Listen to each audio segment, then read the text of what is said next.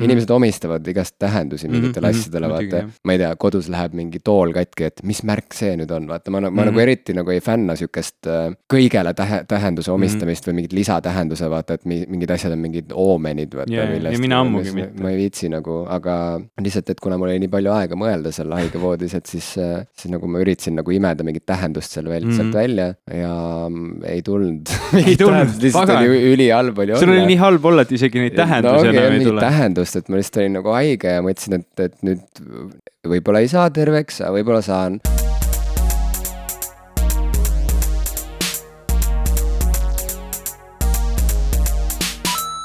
tere, minu nimi on Ivo Krustok. tere, mina olen Jim Ashilevi. ja te kuulate saadet popkultuuristid. ja seekord siis jällegi täiskoosseisus, eks ole mm. -hmm. tandem, tandem on tagasi kandev tandem. kandev tandem, see läheb T-särgile. jah, vot T-särgid peaks küll ära tegema, eks ole mm. -hmm, sest, sest kõik äh, vajavad neid. ja me oleme nii kaua rääkinud, et peaks T-särke tegema, kuigi ausalt öeldes meile, meilt nagu fännid ei ole veel nõudnud, nii et võib-olla see ongi see, see aspekt, mis meid veel tagasi hoiab, et pole nagu, pole nagu öeldud, et kuulge, poisid, millal te teete särgid ära. no aga võib-olla need särgid on sellised äh, tooted, et fännid veel ei tea, et, et need on neil elust puudu, samamoodi mm -hmm. nagu enne iPhone'i inimesed ei teadnud, et nende ja. elust puudub nutitelefon.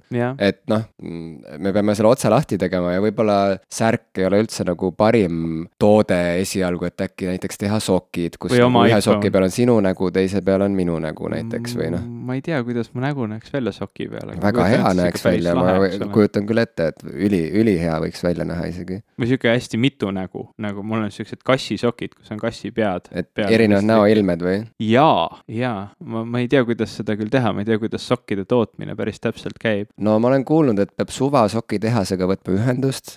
Nad... sul on, sul on nagu nii palju juba siseinfot. mul on infot jah, et äh, olen siin rääkinud äh, mõne soki, sokiärikaga okay.. ja nad ütlesid, et, et Suva on Eestis ainus sihuke suur tootja, kelle poole tasub pöörduda, nad on nõus tegema siukseid eri, äh, eriväljaandeid. panevad su näo soki peale. panevad su näo sokile, sina paned soki Alga. Patreoni kingituseks Näiteks, oma jah. toetajatele, inimesed kannavad sokke, kuulavad popkulturiste ja maailm, maailm läheb paremaks. Maailm, ma, ma ütleks vähemalt, et maailm läheb paremaks. loomulikult, sokke läheb alati vaja, kusjuures vaat see ongi see, see on see äh, küpsuse märk, eks ole, et kui sa hakkad rõõmustama selle üle, kui sa saad jõuludeks endale mm -hmm, uued sokid mm. -hmm. ma olen et..., ma olen täiega seal. no vot siis. ma olen täiega seal, eriti kui saaks veel villased sokid, eriti kui need oleks veel kellegi enda kootud, see on nagu noh. sa oled nii ei... küps, kui, kui üldse olla saab, Ivo, mul on nii hea meel eh, olla küpse inimesega koos stuudios.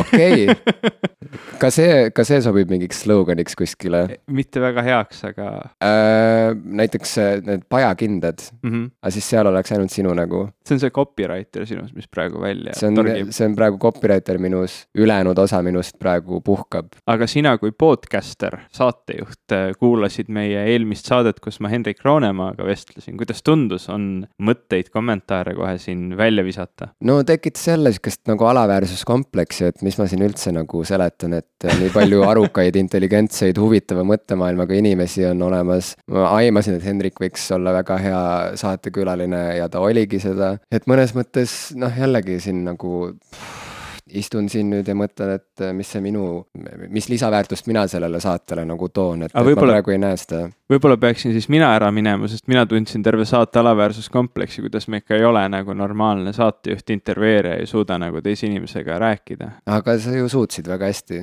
No, see oli ülipõnev saade, ma kuulasin seda vist. kaks korda. väga hea. ja kusjuures mulle, noh, seal oli nii palju teemasid, mis te võtsite läbi ja kuulajad, kes te ei ole siis eelmist osa kuulanud, kuulake. see on ülisisukas saade.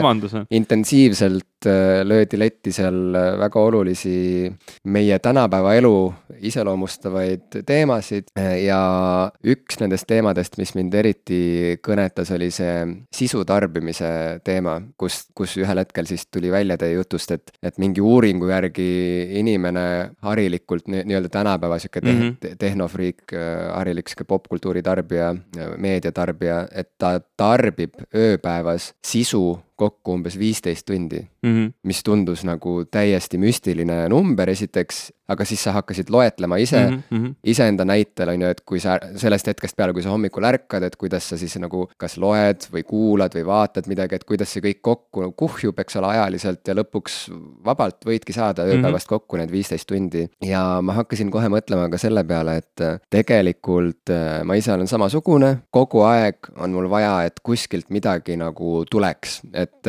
et olgu see siis mingisugune muusikapala, olgu see mingi podcast, kui ma jalutan mm, -hmm. ma ei tea, kodus bussi peale, olgu see mingi audioraamat, mingisugune kirjutatud raamat äh,, olgu ta mm, Instagrami mingid pildid, Facebooki mingi feed, Twitteri sotsiaalmeedia, kõik, kõik see värk, eks ole, et kogu aeg peab nagu mingist kanalist kuskilt midagi tulema ja ma jõudsin jälle oma mõtetes selle teema juurde, et tegelikult mind ju sageli valdabki selline nagu sisusõltuvus. ja sellest ma tahtsin sinuga täna rääkida, et äh, vaata, räägitakse, et oo, inimesed, kes nagu noh, kogu aeg on klapid peas või kogu aeg midagi nagu pusib või teeb, on ju, et nad just nagu kardavad jääda oma mõtetega üksi. ja mul pole kunagi see sihuke etteheide tegelikult meeldinud, see tundub kuidagi nii, et oo, guru on rääkinud nagu, et, et, et äh, on paika pandud no, asi, eks ole nüüd, jah, jah. et no mis ma kardan oma mõtetega mm., no mida ma kardan oma, nagu ma ei karda ja, ja. oma mõtteid nagu, vaid lihtsalt. Äh, mul on oma pigem, ajaga midagi muud teha praegu. pigem ma, ma ütleks, et see ongi nagu, see on mingisugune sihuke nagu nälg mm. -hmm. et noh, mulle meeldivad mu mõtted, eks ole, ma, ma tegelen oma mõtetega päris palju nagu ka, ka oma töös nagu, et see on nagu üks minu nagu kuidagi töövahendeid mm -hmm. on mhm. minu, minu mõtlemine. mõtted ja mõtlemine, eks ole. aga võib-olla eriti tänu sellele ma tunnen, et ma pean nagu pidevalt toitma oma mõttemaailma äh, sisuga et mul on vaja kogu aeg seda kütust juurde. Äh, jällegi, ma jäängi seda tsiteerima, aga minu hiljuti lahkunud õpetaja Kalju Komissarov äh, ütles kunagi koolis meile, teatrikoolis, et äh, inimene saab mõelda ainult sellest, mida ta teab. ja ta rääkis spetsiifiliselt näitlejast tegelikult, ma arvan, et ma olen seda siin saates juba -hmm. varem ka mhm. maininud, aga et, et noh, et point oli siis selles, et näitleja ei saa endale lubada seda, et ta on rumal. nagu et, et, et, et ei, ei piisa ainult sellest, et sa oled, ma ei tea, ilus ja ma ei tea, laulad hästi, et sul on vaja kogu aeg lugeda, sul on vaja kogu aeg tutvuda teistsuguste lähenemistega mm -hmm. elule, maailmale. tutvu mingite valdkondadega, millest sa praegu midagi ei tea, eks ole, et sest et sa saad mõelda ainult sellest, mida sa tead, sa ei saa mõelda asjadest, mida sa ei tea. ja sinu maailm ongi täpselt nii suur, kui suureks sa selle oled endale nagu noh, mõelnud mm. -hmm. nii et kui sa elad, kui su teadmised on hernetera suurused, siis sa eladki hernetera suuruses maailmas, on ju. ja, ja ma arvan, et ja see on, see, see, see püsib kaasas minuga kogu aeg see õpetussõna. ma olin ka varem väga uudishimulik ja sihuke nagu äh, näljas uue sisu järele, aga Kalju Komissarov kuidagi sõnastas selle minu jaoks nagu väga kaunilt ära selliseks nagu loosungiks või siukseks deviisiks. ja pani sellele võib-olla mingi eraldi tähtsuse ja, või, või ja, eraldi ja. nagu kaalu külge. just, nii et nüüd ma nagu tunnengi, et ma ei saa lihtsalt sõita bussis nii, et ma vaatan aknast välja lihtsalt. seda ei juhtu vist kunagi nagu praktiliselt, et, et ma alati nagu, et ahah, ma lähen bussi, ma alati tean, et see aeg nüüd, ma ei tea, mis iganes näiteks Tartusse sõites nüüd kaks ja pool tundi, ma saan kas nagu teha tööd, on ju, mingi tund aega, ma saan teha tund aega võib-olla lugeda midagi, et kogu aeg nagu juurde, juurde, juurde, juurde nagu võtta seda ja siis samal ajal ongi telefonis on mingi viiskümmend tääbi lahti juba viimased aasta aega on ju. mingid artiklid, mida ma ilmselt kunagi ei loe, aga noh, saad aru, et kogu aeg see, see materjal, mis jääb nagu läbi töötlemata ja sisse võtmata, see aina kuhjub ja mõnes mõttes see tekitab sihukest süütunnet ka nagu kogu aeg, et kõik need raamatud, mida ma kunagi ei loe, vaata ja kõik see, kõik need sarjad, mida ma kunagi ei jõua vaadata äh,. aga ometigi nagu alla ka ei taha anda, on ju, kogu mm. aeg nagu otsast ikkagi nagu näksid nagu seda informatsiooni. ja, ja vot ma ei tea, mulle tundub, et, et seal on mingeid nagu siukseid nagu mm,, et seal on ka midagi haiglast ikkagi või, või, või midagi vähemalt, et. negatiivset. Midagi negatiivset jah, et, et ja ma ütlen, et minu jaoks see ei ole see, et, et, et ma kardan jääda oma mõtetega üksi, vaid see on pigem see, et äh, ma kardan nagu, ma ei taha nagu ilma jääda. jah, ma just tahtsin öelda, et see on see kartus, et, et sa ei ja, jõua. just, et mul ongi nagu vist see tunne, et kui ma niisama nagu molutan nii-öelda mm. ja vaatan bussiaknast välja ja tõesti samal ajal isegi ei kuula muusikat nagu, et siis ma jään noh, ilma mm. -hmm. ma jään ilma ja ma ei taha jääda ilma, et mul on kogu aeg seda uut, uut kütust vaja nagu. ma pean aus olema, ma mõtlesin ise ka selle, selle jutu peale, mis me rääkisime, ma isegi tegelikult nii kaugele ei läinud, et neid uuringuid välja otsida ja hakata mõtlema sellele, et noh, kuidas siis seda sisu defineeriti, noh, see ei, tegelikult ei olegi oluline, sest, sest praegu see, millest me räägime, see, kuidas me ise sellest aru saame ja, ja omaenda maailmas äh, sellest mõtleme ja, ja, ja see on selline teema, mis nagu ühest küljest enda sees tekitab siukse tunde, et vau wow,, et, et kui ma nüüd panen omale selle plaani paika, et jah, tõesti iga tund oma päevast ma leian selle hetke, kus ma tegelikult olen mingi sisuga koos, mingi sisu on mu ümber, ma tarbin seda ja, ja ma isegi nagu otsin pidevalt seda juurde, kuidagi nagu haiglaselt nõuan ja vajan seda. et see, see, seal on selline nagu negatiivne varjund juures ja samas nii lihtne on see asi vähemalt minul endal keerata teistpidi ja öelda, et aga mis asi see on, see mittesisu. see, et ma silmadega vaatan oma ruumis ringi, on ju pidev sisu tarbimine, ma tarbin seda ruumi, kõiki neid objekte, mis siin on, minu enda mõttevoog, see, mis mu peas toimub, see on ju ka mingi sisu tarbimine, see on lihtsalt mingi sisu, mida ma ise loon ja tarbin või, või, või noh, see nüüd läheb kuidagi väga segaseks ja, ja, ja mulle endalegi ebaselgeks ja arusaamatuks, aga noh, linnulaulu kuulamine tänaval, kas see ei ole sisu tarbimine? kui sa nüüd selle plaadi peale paned, selle linnulaulu ja kuulad seda toas, kas see on siis nüüd sisu tarbimine võrreldes ja. selle tänaval olemisega? ma arvan, et jah, et sa praegu üldistad liiga mm -hmm. laialt, sest et mulle tundub, et see, mida oleks paslik kutsuda sisuks, mida me tarbime mm, -hmm. on ikkagi, äh, see on seda tüüpi sisu, mis on loodud selle sihiga, et sa seda Tarbiks. tarbiksid, kas mm -hmm. oma kõrvadega või muude öö, äh, meeltega, aga et ta on nagu, et selle taga on olemas see, kuidas öelda siis, intentsioon või see mm, -hmm. see, see on sündinud selle sihiga. see on nagu, see on nagu mingi kiri, mis peab jõudma adressaadini, vaata. samas kui mulle tundub, et linnulaul, see ei ole nagu sulle mõeldud On... aga kas su ajul on vahe, kas sinu no aju teeb seda, seda vahet, et see nüüd, et ma praegu kuulan äh, podcast'i ja nüüd ma kuulan linnulaulu või nüüd ma kuulan plaadilt linnulaulu või ma kuulan tänaval, kuidas inimesed räägivad. et noh, ma saan aru, et see kuidagi, kuidagi väga inimlik on mõelda, et aga no mine õue ja kuula lihtsalt merekohinat või linnulaulu, see on ju palju parem, see on palju rahustavam, kui, kui istuda näiteks bussis ja kuulata juttu või, või samamoodi lihtsalt kõndida rannas ja kuulata mingit audioraamatut või podcast'i, et aga võta need kõrvaklapid klapid ära ja kuula lihtsalt seda rannakohinat. kas sinu ajul nagu selles mõttes, äh, noh, kindlasti on vahet sellel infol, mis sulle sisse tuleb, aga, aga see on ju ikkagi sisu tarbimine, kas see on kuidagi rohkem või vähem koormav, kui see raamat on midagi, mille mittekuulamine te tekitab mulle suuremat koormat kui, kui selle kuulamine, noh, ma ei tea, kas sa saad aru, kuhu ma sellega sihin, et kas, kas see info tarbimine peab olema selle negatiivse varjundiga või võib ta olla pigem nagu selline, selline positiivne asi, mida me teeme, isegi siis, kui me teeme seda nii suure hulga oma päevas päevas. ma arvan, et seal ongi see olemuslik vahe, et see merekohin ei taha sulle mitte midagi öelda mm. -hmm. aga näiteks, kui sa kuulad muusikat, siis see muusik on tahtnud, et sa seda muusikat kuuleksid, et sa midagi tunneksid mm, -hmm. et sa nagu läheksid sellega kaasa ja sellepärast eh, see on eh, väga vabastav teatud hetkedel inimestele,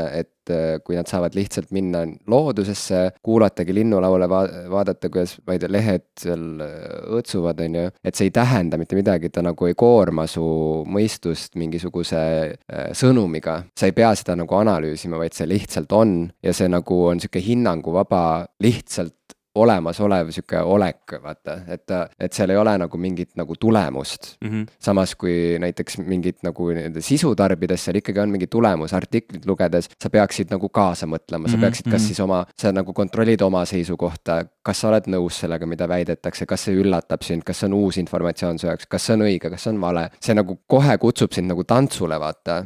ja sellega see tegelikult noh, kaasab sind kuidagi niimoodi, et, et see ei ole enam nagu mingi puhkus nii-öelda vaata, et, et sa ikkagi nagu oled tõmmatud sinna nagu hinnangute, tähenduste sellisesse, sellisele nagu võitlusväljale nagu mm, -hmm. et, et äh, või pingeväljale, noh, et see ei ole alati võitlus, aga et seal käib mingisugune sihuke nagu, sihuke tants jah, ja, ja ma arvan, et sellest nagu inimesed eemalduvad, kui nad äh, käivad näiteks mingites meditatsioonilaagrites, kus äh, kolm nädalat ei tohi rääkida näiteks mm -hmm. või mhm. noh, et, et, et sa oled või ma ei tea, nagu inimesed on pimedas koopas on ju nagu Urmas Sõõrumaa oli on ju, ma ei tea, kaua, kaua ta oli seal, kaks kuud või, et. ma ei tea. ja jah, et no igasugu asju tehakse, vaata ja ma arvan, et see ongi täpselt, see on, see on see, mille eest inimesed pagevad mm -hmm. tegelikult, ongi see sisu. informatsioon jah, informatsioon, et et, äh, et see on nagu sihuke nagu vabatahtlik ja, ja nagu meeldivam viis kuidagi puhastuda, kui näiteks haige olemine, on ju, kus mm. sa mhm. lihtsalt ei ole nagu füüsiliselt võimeline nagu kaasa rääkima, kaasa mm, mõtlema mm., lihtsalt oledki pikali ja sul on halb olla, et siis sa nagu sunnitud nagu eemalduma mm. sellest kõigest korraks. kui ma olin haige sel ajal, kui te Hendrikuga tegite eelmist osa, äh, ma ei suutnud isegi mingeid sarju vaadata õieti mm., nagu natukene suutsin mingitel hetkedel, aga. sest seal on midagi, Hendrik selgitas ära ka sarjade vaatamine vaatamine on nagu üldse väga mõttetu tegelikult. nüüd ka minul on nagu natuke kerge tõrvatilk on äh, ikkagi mm -hmm. meepotis, mis ei ole halb, aga äh, ühesõnaga, et, et jah, et see sisu tarbimine, ta on nagu osa mingist nagu siuksest nagu närvilisest refleksist mm -hmm. tegelikult mhm. ka ikkagi mulle tundub, et see mingisugune rahutus. tead, nagu mõned inimesed ei suuda äh, nagu ühtegi hetke olla lihtsalt niisama niimoodi, et nad ei võta nutitelefoni välja. noh, mingis mm -hmm. tavaolukorras vaata, et tekib neil mingi kolmkümmend sekundit kuskil, kus ma ei tea, üks vestlus lõppes kellegagi, uus vestlus pole alanud, keegi võib-olla läheb korraks nagu ostma midagi ja siis ta korraks jääb hetkeks üksi. siis nagu üliharilik on tänapäeval ikkagi see, et yeah. võetakse välja telefon, vaadatakse läbi kiirelt, kas ma ei tea, Instagram või Facebook või midagi nagu, midagi seal nagu näpitakse, et seda, et sa lihtsalt vaatad ringi. kes kuskil oli mingisugune sihuke nali nagu, et, et kui sa tänapäeval äh, istud mingis restoranis või söögikohas ja siuksel nagu tühjal või kui oled nagu näiteks omaette sööd seal ja ei, ja ei näpi nutitelefoni, vaid lihtsalt oled, mõtled, et siis sa näed nagu välja nagu psühhopaat mm. -hmm. sul on, sul on midagi mõttes praegu. -hmm. siis, siis sa oled kõhe lihtsalt, sa lihtsalt mõjud kõhe, kõhedalt. ma, ma just demonstratiivselt võtsin kätte prillilappi, et sellega mängida, ma olen väga seda tüüpi inimene, et kui ma lihtsalt kuskil olen või noh, lihtsalt kellegagi juttu käin, mul on vaja millegagi nagu, mul on vaja midagi nagu käte vahele või, või, või mul on vaja millegagi nagu mängida või tegeleda kätega, see on kuidagi nii selline endalegi kuidagi väga naljakas, siis et ma avastan ennast lihtsalt mingi, ma olen avastanud ennast kruvikeerajaga mingeid asju lahti kruvimas, lihtsalt sellepärast, et ma istun arvutiga, vaatan mingit sarja. kruvid arvutit lahti, samal ajal tõmbad seda on juhtunud, ei no mitte protsessor. seda on juhtunud aga..., sa vaatad sarja ja kogemata nagu ei, no, muu seas teed arvuti lahti või? no mingid osad arvutist ma olen hiiri lahti kruttinud näiteks. aa, see on väga veider. jah, aga aga noh, ma ütlen, et see on, see on sihuke mingi närviline värk ja ma tean, et eh, noh, võrreldes, võrreldes mõnede mu sõpradega, kes pigem kalduksid selle arvamuse poole, et, et no võta need kõrvaklapid siis nüüd peast ära ja kuula seda maailma, mis su ümber on. et noh, võrreldes nendega ma olengi närvilisem inimene ja, ja, ja kindlasti nagu olen ka pigem see inimene, et nii kui minu äh, vestluspartner näiteks restoranis minu lauast lahkub, et vetsu minna, siis mina scroll in või, või rullin läbi Instagrami ja Facebooki ja mm. noh, eks, eks need mingid isikutüübid samastuvad. ma kujutan ette, et kui, kui ma niimoodi oma sõprade seas kä käsiksin või, või paluksin, käsi, käskimine ei ole ilus äh,, paluksin läbi teha need arvutused, et mitu tundi ta siis päevas sisu tarbib, et siis, äh, siis see oleks tegelikult täitsa huvitav näha. aga mulle meenub Mattias Naani nali ühest tema stand-up äh, esinemisest, mis võib-olla oli seal kolmeraudse saates, kus ta mainis, kuidas tal oli tohutult vaja vetsu minna. Äh, ja noh, tõesti nagu olukord oli väga kriitiline juba ja kuidagi viimasel hetkel ta ikkagi nagu jõudiski koju ja juba nagu astus vetsu ja siis taipas, et ta jättis oma telefoni äh, jope taskusse, siis ta ikkagi läks esikusse, võttis telefoni ka veel yeah, ja siis läks yeah. alles, istus poti yeah. peale. et see on minu jaoks juba sihuke nagu next level selles mm -hmm. Mõttes, et, et ja ma tean, et nagu see on ka asi, mida tehakse mm -hmm. nagu massiliselt mm. -hmm. et inimesed nagu ei suuda istuda vetsus, nii et nad ei näpi samal ajal nutitelefoni mm. -hmm. aga lihtsalt noh, minu arust see ongi nagu sihuke nagu karikatuurne sihuke nagu äh,. noh, see, see nagu võtab kokku nagu täpselt selle sisu narkomaania mõnes mhm, mõttes mm. -hmm. et sa ei suuda nagu isegi nagu need kolm minutit, mis sa seal vetsus istud, sa ei saa seda aega lihtsalt nagu tüh-, see nagu istuks tühja seal siis on ju mm, -hmm. kui sa oma telefoni sinna kaasa ei võta. et, äh, et noh mina olen see, see nagu inimene mingi..., kes enne kui nutitelefonid tulid, lugesin äh, nendelt äh, erinevatelt äh, toodetelt, mida vetsus leiab, nende sisu, sisal-, mida nad sisaldavad no vot, siis tarbisid sisu ka siis yeah.. see nagu, see oli nagu internet of things, aga teistmoodi. jah, lihtsalt things. jah, lihtsalt things Things ilma internetita. täiesti mingi sisutühi info kuskil torusiilipakil, et näed, see sisaldab naatriumhüdroksiidi. ma loodan väga, et ma ei eksinud praegu sellega, mida ma ütlesin, aga täiesti võimalik, et ma eksisin ka. aga selle valguses, mis me nüüd oleme siin rääkinud, mul haakub nende mõtetega üks Aivar Tõnso väljaütlemine Müürilehes, mis oli tulevikuteemaline erinumber ja ma loen selle lõigukese ette. daamid ja härrad, näitleja Jim Ashilevi. ühesõnaga, Müürilehes oli intervjuu Mari-Liis Mõttus, Mari-Liis Mõttus intervjueeris Aivar Tõnsot ja intervjuu lõpus nad jõudsid sarnase teema juurde, mis on ka meil olnud laual mitu korda, ehk siis kogu see info pealetulv äh, just nimelt äh, ka muusika, muusika puhul, noh et mm., et kuidas inimesed voogedastusteenuste abil lihtsalt upuvad muusikasse ja mõnes mõttes see muusika erilisus või nende pärlide leidmine, et see kõik on nagu omandanud mingi hoopis teise tähenduse mm. kui varem ja nii edasi. ja siis küsib ka intervjueerija siin Aivar Tõnso käest, et kuidas sa ise sellesse tänapäeva muusikatulva suhtud ja Tõnso Tõnso ütleb, et ühelt poolt see on hea, et kõike on palju ja see on kiiresti kättesaadav, aga teisest küljest, ma nüüd loen korralikult, tsiteerin, kuna loome kõigele väärtuse eelkõige oma peas, igatsen taga aega, mil oli võimalik kujundada millegi suhtes tänu ajalisele ja ruumilisele distantsile kõrgendatud ootuseid. näiteks kunagi John Peele'i saat-, saadet kuulates ja mõnelt albumilt läbi mitmesuguste segajate ainult üht või kaht lugu kuuldes, võisid tekkida päris kõrged ootused, mida aitasid üles kütta erinevad fantaasiad võimalikust ideaalmuusikast mm -hmm.. noh, jube ilusti öeldud ju, vaata, see on, see on mhm. täpselt see, mida me oleme ka püüdnud sõnastada, et see igatsuse element yeah. selle juures, et mismoodi sa midagi väärtustad, mingit kogemust või mingit, et, et, et kuidas see on muutunud, seda igatsust on nagu vähemaks jäänud, on ju.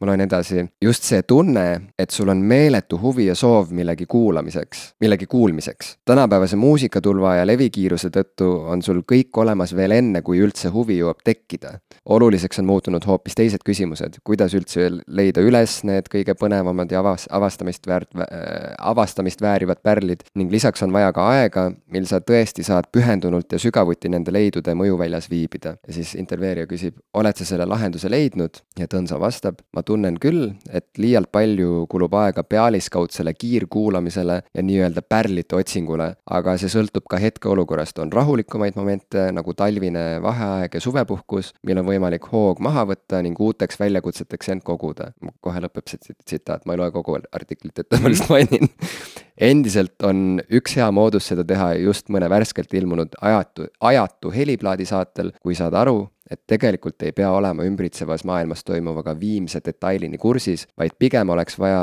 leida sisemine tasakaal. väga ilus. minu arust see on üliilusti kokku yeah. võetud äh, need mitmed erinevad teemad, mida me oleme sinuga ka arutanud ja ka praegu see haakub siia jube hästi minu arust. Just see, see lõpptõdemus, et äh, sa ei saagi kunagi kuulata ära kõiki neid kõige mm, olulisemaid mm. albumeid, lugeda läbi kõik need kõige olulisemad raamatud ja nii edasi, see kõik on ikkagi ikkagi väga suures ulatuses sattumuslik, mille otsa sa üldse komistad, millele sul nagu jääb aega kõikide muude asjade kõrvalt, et seda sisu on nii üüratult palju ja loomulikult äh, kriitikud, kultuuriteoreetikud, analüütikud üritavad luua mingisuguseid hierarhiaid, kuraatorid mm, -hmm. eks ole, nad nagu noh. mingit raamistikku. loovad sulle mingeid yeah. raamistikke, pakuvad sulle välja mingeid siukseid nagu pakette. püüavad defineerida meie kultuuri seda, seda kõige olulisemat. Et, et, et nagu, mis on mis praegu, mhm. on ju. aga no vot, see on ka nagu omamoodi sihuke nagu. kas Tanel Tatter nagu annab ikka kümme või ei anna see et... oli nii vana reference, et enamus meie kuulajaid ei teagi. ja seda. ma nagu ka kuidagi nagu alateadvus sai aru, aga mm., aga teadvus ei saanud. ei olegi oluline aga, aga just see sisemise tasakaalu teema, vaata, et sa teed nagu rahu enda sees sellega, et, et sa ei teagi jah, mis on nagu, mis on mis. sa ei saa seda lõpuni teada, keegi ei saa, nii et äh, mõnes mõttes see nagu paneb sind väärtustama jällegi seda, mis sul on mm. nagu käepärast, on ju. ehk siis jällegi mulle meenub, kuidas ma näiteks üritasin hakata aru saama, et mis asi või kes on Bob Dylan, miks ta on oluline, kuidas ma lihtsalt kuulasin ja kuulasin ühte ja sama albumit, ma ei tea, kaks nädalat nagu süvitsi mm. -hmm. et see on mõnes mõttes nii palju rikastavam kogemus, kui sihuke sigri-migri äh, kõige tarbimine mm -hmm. Läbisegi lihtsalt selleks, et olla kursis kogu aeg, saad aru et kogu aeg yeah. olla nagu selle laineharja peal nagu, et ahah, ahah, ahah, nagu haarad siit-sealt-sealt. kogu aeg nagu,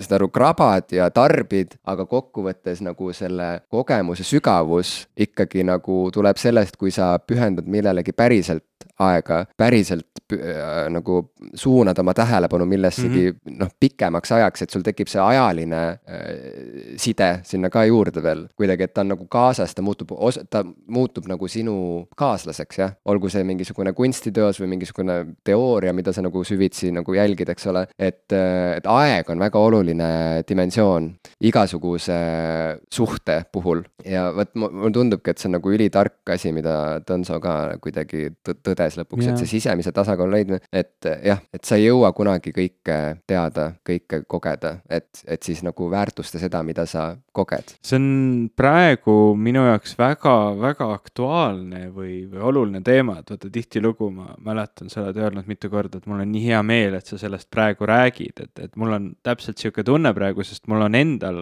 kuidagi viimastel päevadel eriti tugevalt tekkinud selline, ma olen nagu väga demotiveeritud äh, mitmes mitmest aspektist. Peamiselt on see seotud sellega, et nii oma töös kui, kui töövälistes tegevustes ma tegelikult sattun kokku kokku, noh, mitte seetõttu, et ma ise nüüd olen kuidagi väga tähtis või, või ma kindlasti seda ei ole, aga muidugi sattun kindlasti kokku. sa ei ole tähtis üldse äh, ma, ma satun kokku inimestega, kes on, kes on tihtilugu vähemalt Eestis ja, ja, ja vahel ka maailma tasemel oma, oma aladel väga kõrge tasemega ekspert. ja tihtilugu need diskussioonid äh, pöörlevad erinevate probleemide ümber, sest noh, tavaliselt kui tullakse maha, istutakse, räägitakse probleemidest, et kuidas neid lahendada, kuidas asju paremini teha, et, et väga harva istutakse maha maha selleks, et üksteisele õlale patsutada, rääkida, kui hästi asjad on. ja kui see siis kuidagi, kui see kontsentreerub niimoodi, mul on mingi nädala jooksul olnud küllaltki palju erinevaid vestlusi väga erinevate taustadega, aga väga tarkade inimestega. ja, ja ma olen saanud kuidagi üleküllastuse nendest erinevatest probleemidest, mida, mida ma kuidagi tunnen, et ma tahaksin väga-väga aidata muuta, ma tahaksin väga palju asju aidata maailmas muuta,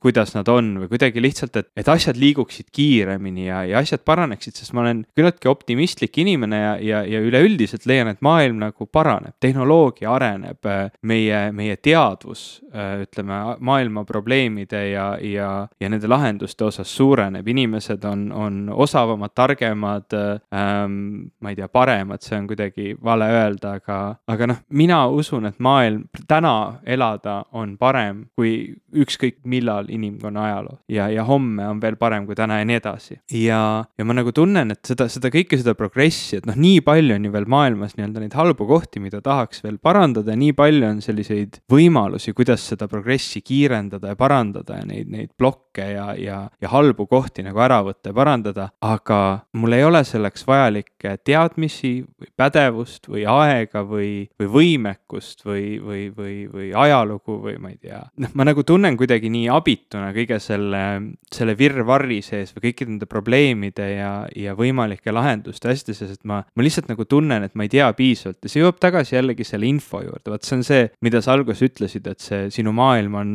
täpselt nii suur, kui palju, kui, kui palju sa seda ise lood või, või kui palju sa ise seda endale sisse ahmid ja teed. ja mul on kuidagi tunne, et, et selleks, et et, et nagu reaalselt sust mingit kasu oleks või, või ma noh, mõtlen nagu end, enda kontekstis või kuidagi omaenda sellise probleemse mõtlemisega sinna, et, et minust mingit reaalset kasu oleks. et siis mu maailm peaks veel kordades suurem olema, et ma pole, ma pole jõudnud sinna etappi, kus minust saaks veel kasu olla. ja see on kuidagi sihuke, sihuke demotiveeriv tunne lihtsalt on, on tekkinud selle, selle kõigega, et sihuke kuidagi üleküllus on tulnud. aga samas ma väga hästi nagu saan aru sellest, et see on see kuidagi läheb selle jutu poole jälle, mis me rääkisime sellest petturi sündroomist, et tegelikult me kõik ju teeme nii palju, kui me suudame, igalühel on omad tugevused, ei ole ühtegi sihukest superinimest, kes, kes suudaks nagu igas probleemis, igas asjas väga hästi olla koordineeritud ja teadma. ja tegelik asi on selles, et me lihtsalt peame need oma tükid sealt probleemidest nagu üles leidma ja neid niimoodi strateegiliselt lahendama ja, ja leidma nendele väikestele asjadele igaüks omad lahendused ja siis see asi liigubki paremuse poole. aga lihtsalt kuidagi, ma ei tea, viimast, viimastel päevadel see kuidagi jõudis minuni nii tugevalt, et, et see oli kuidagi lihtsalt võib-olla hästi kontsentreeritud. ma ei oskagi selle peale midagi muud öelda. See mõte, mis sa välja tõid, oli, oli selles suhtes väga, väga hea mõelda, et see ongi pigem sellise sisemise tasakaalu leidmine ja, ja arusaam sellest, et äh, tähtsam on võib-olla lihtsalt endale olulistele asjadele kontsentreerumine kui, kui kõigega, kogu infot tarbida, kõigega tegeleda. ja see ongi täpselt see ülekülluse või siukse üledoosi tunne, eks ole, et sa nagu ei erista enam erinevaid teemasid ja probleeme ja küsimusi, vaid nad moodustavad mingisuguse siukse meeletu kuhja või siukse koorma, mis ühel hetkel hakkab lihtsalt lämmatama ja, ja mis lihtsalt nagu surub sind vastu maad ja siis see ongi sihuke üleüldine äng või üleüldine mm -hmm. nõutus või sihuke abituse tunne. et siin jah, alati vist äh, ikkagi on see võti ikkagi, võti seisneb selles, et sa pead asju vaatama läbi ükshaaval et, et, et et, et see on liiga üldine, et, et siis nagu võtma nagu üksipulgi lahti, et mm -hmm. kust ikkagi nagu tegelikult kärisema hakkas või, või, või, või mis tegelikult on need sinu tugevused ja mida sa tegelikult ikkagi nagu oskad ja tead ja mida, mismoodi sa saad panustada, et, et kõike korraga jah, ei saa teha, on ju, ja see on absoluutselt asi, mida ma iga päev üritan ka endale selgeks teha või kuidagi meelde tuletada. just hiljuti kuulasin üle pika aja jälle Tim Ferris show'd millest meil on olnud juttu ja on olnud jah, arutelu all ka see, et kas Tim Ferris üldse on tõsiseltvõetav arvamusliider või et, et, et kas, kas ta on nagu äkki soolapuhuja mm. -hmm. aga juhtus ette mulle jälle selline episood, kus ta intervjueeris kedagi, keda ma imetlen ja austan, see oli kirjanik Cheryl Strayed, keda laiem üldsus tunneb äh, romaani, või tegelikult see ei olnud, see ei olnud romaan, vaid see oli tema sihuke, tema elust rääkiv raamat Wild, mis on äh, sihuke suur bestseller olnud ja äh, selle sisu oli siis lühidalt kokkuvõttes see, et ta kunagi oma kahekümnendates, ta elu jooksis täitsa rappa, ta ema suri, ta ühesõnaga jättis oma abielu katki, kuidagi pettis oma meest ja kõik oli väga-väga keeruline ja siis ta lihtsalt võttis seljakoti selga ja läks sellele Pacific Crest Trailile, mis on siis, nagu ma aru saan, siis mööda Ameerika läänerannikut mm -hmm. jookseb, eks ole, sihuke pikk, pikk, pikk matkarada. piirist piirini. jah, ja siis ta lihtsalt võttis selle pika matka üksi ette ja see raamat räägib sellest matkast, et, et kuhu ta siis nagu välja jõudis mm -hmm. või kuidas see tema elu fundamentaalselt, kardinaalselt muutis. see kõlab nagu väga huvitav raamat, sest ma olen hästi palju mõelnud oma elus sellele rajale, mitte et ma tunneksin väga igatsust, et ma tahaks seda rada kõndida, aga selle raja juures on miski selline äh, külgetõmbav, ligitõmbav. no ma võin sulle öelda, et pärast selle raamatu hitiks saamist käivadki seal inimesed äh, Wildi retkedel ah,. Okay. et seal nagu mingisugused kohalikud äh, giidid ja ma ei tea mm., looduskaitsjad või kes nad seal nagu töötavad, et, et nad juba teavad, et oo oh,, sa, sa oled see Wildi matkaja mm, et okay. sa teed seda Wildi matka endal. ei no ega seal midagi halba ei ole, selles mõttes, et äh, las siis olla. igal juhul Cheryl Strayed teeb ka podcast'i Dear Sugar Radio, mida ma taaskord soovitaksin väga, see on sihuke hingeabi podcast, mida ta teeb ühe teise kirjaniku Steve Almondiga kahekesi. inimesed kirjutavad neile oma muredest, mis äh, puutuvad suhetesse, mm, jah, kõige laiemas mõttes suhetesse, inimsuhetesse. ja siis nad annavad seal nõu ja väga rängad ja rasked teemad on tavaliselt laual ja siis nad kuidagi väga niimoodi soojalt, empaatiliselt ja humoorikalt nagu pakuvad inimestele sellist nagu äh, nõu ja lohutust. ühesõnaga, Sheryl Strayed oli Tim Ferris äh, saates, pooleteisttunnine saade ja, ja nad lihtsalt arutasid, et, et noh, et mis, mis asi on üldse, mis, mis see kirjaniku töö üldse on, kuidas, kuidas Cheryl Strait töötab, mis asi on edu tema jaoks, kuidas ta on selle saavutanud, kuidas ta nagu üldse nagu oma asjad tehtud saab, kõik siuksed huvitavad teemad, mis mind alati huvitavad. ja, ja ühel hetkel vist küsiti talt ka midagi sellist, et noh, et mismoodi sa nagu jalul püsid või mismoodi sa, mi-, mis, mis tark lause või mis, mis nagu sihuke deviis sind kuidagi edasi aitab. ja siis ta ütles, et ähm, ühel hetkel ta lihtsalt äh, kirjutades oma vist esimest romaani, lihtsalt ütles endale, et uh, surrender to your mediocrity, et uh, me, me, noh, ta ka ise nentis, et, et mõnes mõttes see on nagu üli nagu masendav sihuke Äh, tarkusetera, mille, mille järgi siis kuidagi juhinduda või mille, mille järgi nagu kuidagi elada, aga teisalt äh, see oli kuidagi väga vabastav ta jaoks, et ta nagu järsku tundis, et, äh, et ta oli nagu vaba tegema lihtsalt oma asja. kirjutas parasjagu oma romaani ja ta kuidagi nagu andis endale aru, et see romaan, sellest ei tule järgmist Great American Novelit, eks ole, nagu Ameerikas kirjandusmaailmas tituleeritakse selliseid nagu rahvusliku kultuurilise erilise nagu erilisusega teoseid, et öeldakse, et this is the great American novel, eks ole mm, -hmm. ja küsitakse, et mis võiks olla järgmine great American novel ja nii, et. Great American novelist, eks jah, et, et see on noh, et kui sa kirjutad Ameerika mõistes Tõe ja õiguse, et siis see on great American novel mm. -hmm. ja ta andis endale aru, et äh, ei, sellest ei tule järgmist great American novelit äh,, suurt Ameerika romaani ja see vabastas teda, et, et ta lihtsalt sai kirjutada oma romaani mm. -hmm. ja, ja teha seda nii hästi, kui ta suutis ja, ja ta ütles, et see nagu lause kuidagi saadab teda sellest ajast peale. ja, ja, ja ka mulle tohutult meeldis seda kuulda, sest jällegi see, millest sa rääkisid, see natuke jällegi haakub selle, kogu selle nagu ärevuse ja pingega või sellega, selle tundega, et minust ei piisa. noh, et mm -hmm. sellest, mida ma tean või oskan, sellest ei piisa ja see tekitab minus nagu sihukest abituse tunnet, ma tunnen, et ma petan teisi, kui ma nagu mm -hmm. väidan neile, et ma kuidagi saan olla abiks või kuidagi kasulik mingis meeskonnas. et äh, seesama ärevus saadab ka mind nagu konstantselt praktiliselt, et ikkagi sihuke tunne on, et ma olen nagu kõiki, kõiki lihtsalt nagu kuidagi, et mul on õnnestunud ära petta nagu kõik mm -hmm. inimesed. teatris mul on õnnestunud ära petta inimesed, et ma oskan näidelda või noh, mitte inimesi, publikut mitte, aga noh, lavastajat vähemalt ma suutsin ära petta, et ta mind üldse võttis. võttis tööle. küll mm -hmm. publik saab aru, et ma olen sitt on ju. ei no publik Kir tuleb kohale, vaatab, vaatab etenduse ära, ega nemad, nemad teavad, et seal on näitlejad, eks ole. kirjutab samamoodi igal pool mujal, et noh, et kuidagi, aga, aga just see mõte, et äh, lihtsalt äh, lepi oma keskpära, keskpärasusega, surrender to your mediocrity. mulle väga meeldib see lause. see on nii hea ja. lause ju ja tegelikult seal ei ole kübetki midagi masendavat, vaid see just tõmbab nagu siuksed nagu võimatud ootused, mida sa iseendale sead, tõmbab need maha ja laseb sul lihtsalt olla piisav. olla inimene. olla inimene ja, ja, ja kuidagi nagu anda endale see vabadus öö, olla rahul sellega, mida sa suudad yeah. hetkel, et mitte piitsutada ennast nagu ülemäära, et, et ma saan aru, et mõnes mõttes nagu sihuke, et see on sihuke, noh, see on väga mitme otsaga asi, vaata, et sa võid ju küsida, et aga kas, ma ei tea äh,, nagu mingi tippsportlane, on ju, kas ta jõuaks tippu, kui ta sellise mõtteviisiga läheks trenni, et ah, ma lepin oma keskpärasusega mm, -hmm. ei, sa pead ikka nagu push ima edasi, on ju, sa pead ikka nagu noh, et nina peab olema mm, -hmm. mitte nina ei pea olema verest väljas, vaid veri peab olema ninast väljas kogu aeg.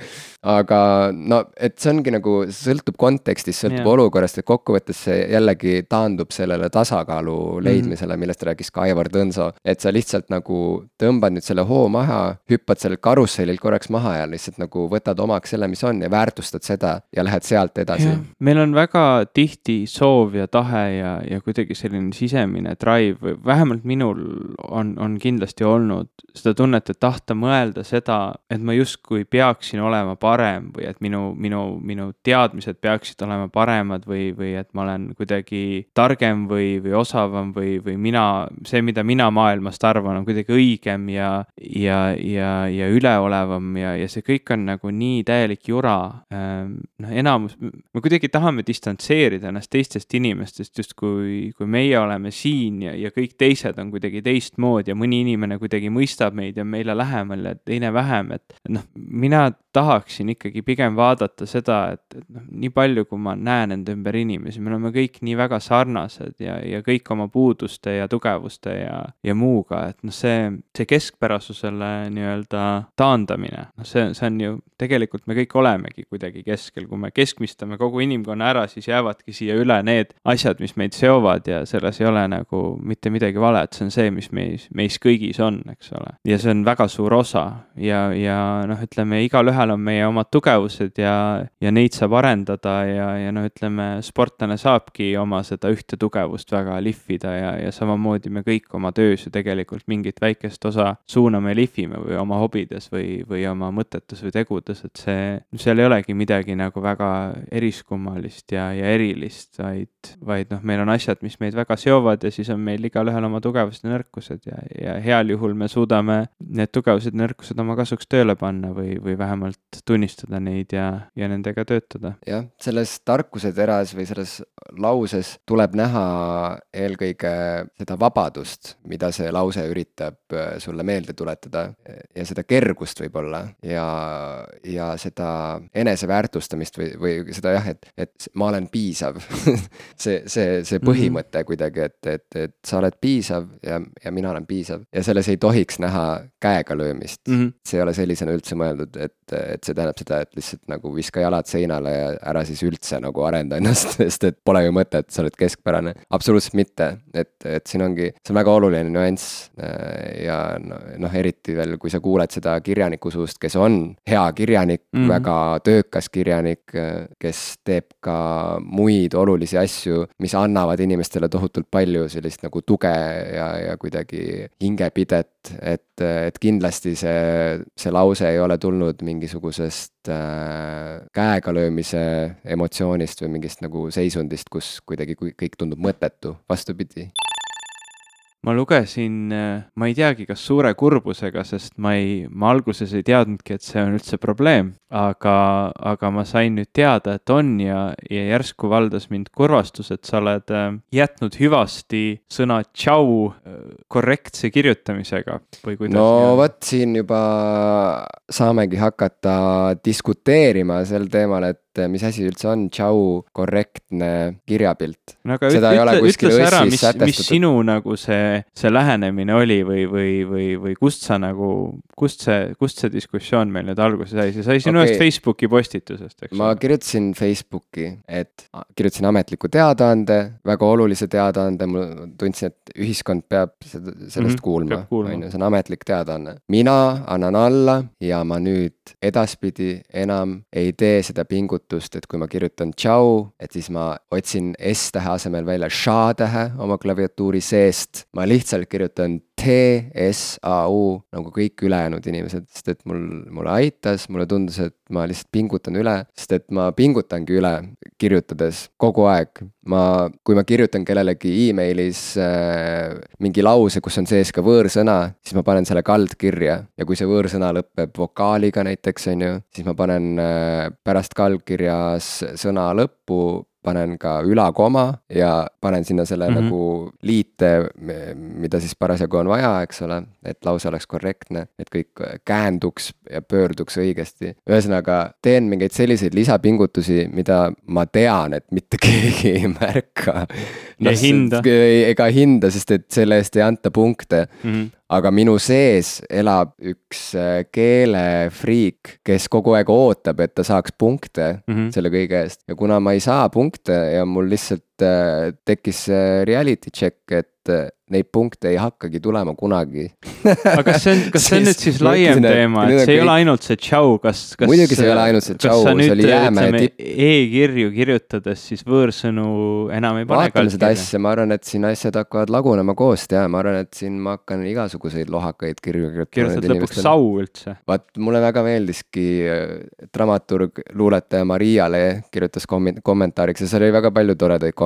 Seal oli tõesti väga palju. see on mul avalik postitus ka, nii et kõik kõik, kes ei ole mu Facebooki sõbrad, saavad ka vaadata seda diskussiooni. Mariale kirjutas sellise kommentaari, et peaasi, et mitte sau ja siis veel kord caps lock'iga peaasi, et mitte sau mina, mina kirjutan veel rõvedamaid tervitusi, mul on nagu väga tihti on low ja siis ülakoma sap. mis asi see veel on? nagu low, noh nagu hello, sa lihtsalt lühend, sa võtad, võtad. ja nagu what's kogu... up või? jah, nagu what's up ja selle asemel ongi ülakoma sap lihtsalt. S-A-P või? ei, S-U-P. No see on väga spetsiifiline, see on natuke lahe ikkagi. on või? ja, ja, ja see ei ole päris, see ei ole sau. see ei ole sau, et sau, sau on lihtsalt liiga pehme ja lame võib-olla või kuidagi sihuke. võib-olla jah, aga kui tuua välja sellest väga elavast diskussioonist, olgem ausad, see ikkagi hakkas oma elu elama, see postitus ja tuli välja, et väga paljudele inimestele läheb korda ikkagi, kas kirjutada tsau mm -hmm. või mhm. tšau, seal tekkisid erinevad, erinevad leerid joonistusid välja, oli, oli minu üllatuseks, ilmusid välja inimesed, kes üritasid mind ikkagi nagu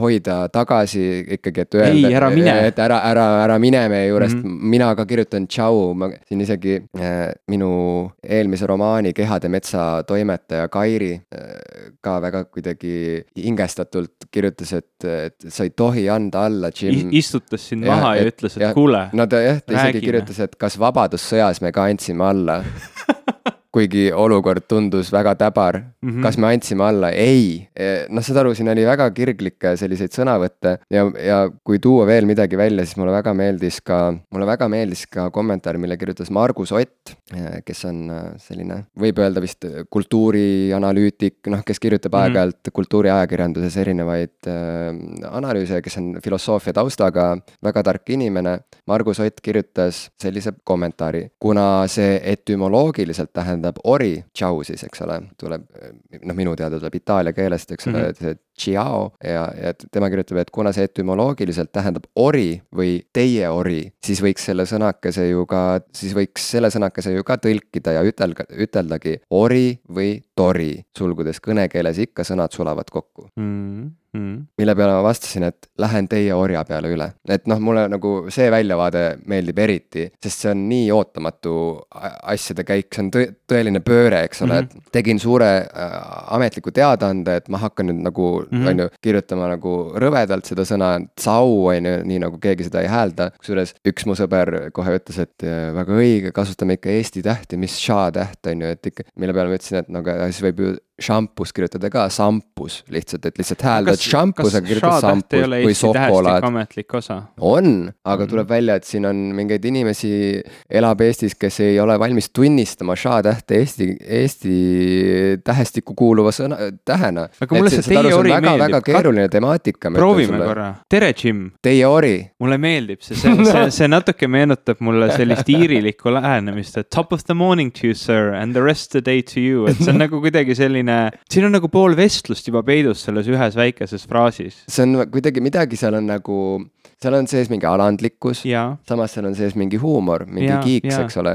Teie ori, et tšau on ju väga sihuke familiaarne on. tervitusviis, eks ole, või, või hüvastijätuviis. sa ei ütle seda päris inimesele, keda sa muidu nagu teietad, eks ja, ole. noh, aga ongi, aga samas, et sa siis sõbrale, keda sa ei teieta, keda sa sinatad, kellele sa võiksid öelda tšau, sa hakkad teda järsku teietama, ütled, ütled teie ori mm -hmm.. noh, seal on mingi väga sihuke soe moment tegelikult on, on. sees, vaata. et sa oled mulle nii lähedane, me oleme oleme nii head sõbrad, et ma olen valmis olema teie ori. no see on super tore minu arust. aga tead, mis selle ša tähega probleem on? tegelikult on see seotud ju trükkimisega, sest sest kui me kirjutaksime välja tähti käsikirjas, siis see väike katuseke sinna S-i peale ei ole ju mingi probleem kellelegi, kõik oskavad joonistada S-tähe peale katust. aga leida klaviatuuril üles see nupukombinatsioon, et tekitada ša-täht, see ei ole ilmselge. ma ei tea, minu arust see on mingisugune otsitud probleem, sest see, see võib olla. mul on see käe sees ja see on nagu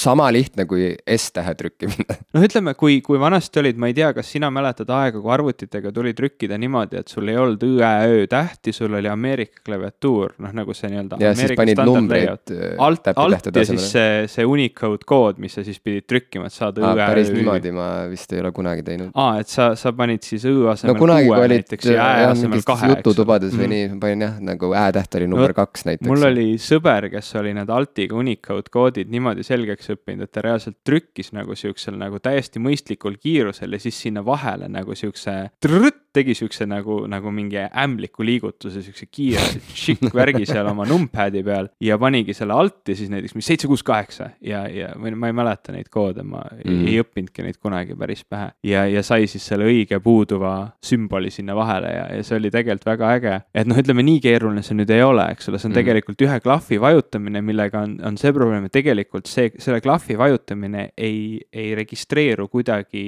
ekraanil, et see on justkui nagu sa vajutad ja midagi ei juhtu. ja nüüd, kui sa selle järgmise tähe vajutad, alles siis juhtub, eks ole. et ma arvan, et see võib olla natuke selle taga kinni, et, et, et need tänapäeva klaviatuurid kuidagi nagu ei soosi üldse nende tähtede kasutamist, inimesed kirjutavadki tsau ja šokolaad SH-ga ja, ja noh, sest see on lihtsam, on, on lihtsam isegi vajutada kahte klahvi, SH, selle asemel, et hakata mõtlema selle peale, et oota, kuidas ma selle katuse nüüd sain. aga kuhu me niimoodi jõuame? võib-olla see ei ole nii, võib-olla ma eksin, sest, sest võib-olla ma jällegi teen eelduse, et mina justkui tean, et nii on ja enamus ei tea, võib-olla see on täiesti vale eeldus. see kõik on äh, arusaadav mulle selles mõttes, et alati siuksed tehnilised piirangud sütitavad inimestes loovust ja toimuvad mingid imelikud mutatsioonid, mingid imelikud kohandumised, noh nagu näiteks ongi hoopis teisest valdkonnast äh, nagu videomängutööstuses, eks ole, mingil hetkel ei, mingi hetkeni ei olnud see graafikajõudlus mm. masinatel piisavalt hea ja siis lihtsalt tuligi teha sellist ruudulist värki, mis nüüd tagantjärele on super cool kõigi jaoks, eks ole. siiamaani on sihuke cool. retro ja lahe on ju, kaheksa bitti ja kuus, kuueteist bitti sihuke esteetika. aga mis puudutab nagu keelekasutust, siis selles osas ma ei tea, mul on mingisugune sihuke keeletundlikkus, et äh, ma lihtsalt nii naudin korrektset keelekasutust või sihukest nagu õigekirja see on nii kuidagi see nagu füüsiliselt mõjutab mind nagu ja, ja igal, igal asjal on oma koht, oma kontekst, selles mõttes, et kui ma mõne sõbraga Messengeris näiteks chat in, siis on noh, see, see jutt näeb nagu ülilohakas ja sihuke mm -hmm. nagu täiesti nii-öelda ebakorrektne välja. me ei kasuta no, enam suuri tähti. no ongi, ei kasuta suuri näiteks. tähti mm, -hmm. mingeid vokaale venitame seal nagu üle terve ekraani, meeletus koguses igasuguseid emotikone, no täiesti selline nagu, nagu üheksa-aastase või üheteistaastase tüdruku kätte oleks antud nagu telefon, et kui, kui noh, et mina, mina kirjutan ja ei ole kübetki nagu ei ole vihjetki sellele, et, et siin võiks olla kahe kõrgharidusega kultuurihärra selle mm, -hmm. selle masina taga, vaid et ta on nagu sihuke täielik äh, noh, eh, laps emotsioneerib, eks ole, lihtsalt plätserdab nagu seal klaviatuuri peal. sest ma saan aru, et sõber saab aru ja, ja see, saad aru, seal on, seal nagu läheb tõlkes väga vähe kaduma. aga nüüd see teine äärmus, mida ma olen üha rohkem märganud, on see, et kuidas aina enam ametlikus sihukeses kirjavahetuses ka, et sinna imbub sisse sellist äh, chat'ilikku tooni, et äh, ja see väljendub kõige selgemini näiteks emotikonide kasutamises. ma korraks tundus, et sa panid käe püksi, et katsuda ennast, aga panid lihtsalt käe taskusse. panin käe taskusse, muidu ta kukub alla. ma kuidagi väsis käsi ära aga ähm, ja ongi mõte pühitud peast nii lihtne see oli ei, aga. vaata, see ongi see tänapäeva elu, paned käe püksi ja keegi ei mõtle enam. jah, jällegi, aga see on väga inimlik, vaata on ju. jah, meil tekivad kohe seosed sellega. et Morrissey ka ühel hetkel lihtsalt vanaduspõlves nagu laulis, et there are explosive kegs between my legs, on ju. ja no sinna see kõik taandub lõpuks, vaata, sa võid filosofeerida ja siin rääkida, on ju, aga. ainuke emotikon, mida ma olen emaili kontekstis Aa, kasutanud. tagasi teemasse hästi kiirelt, väga hea. järsult.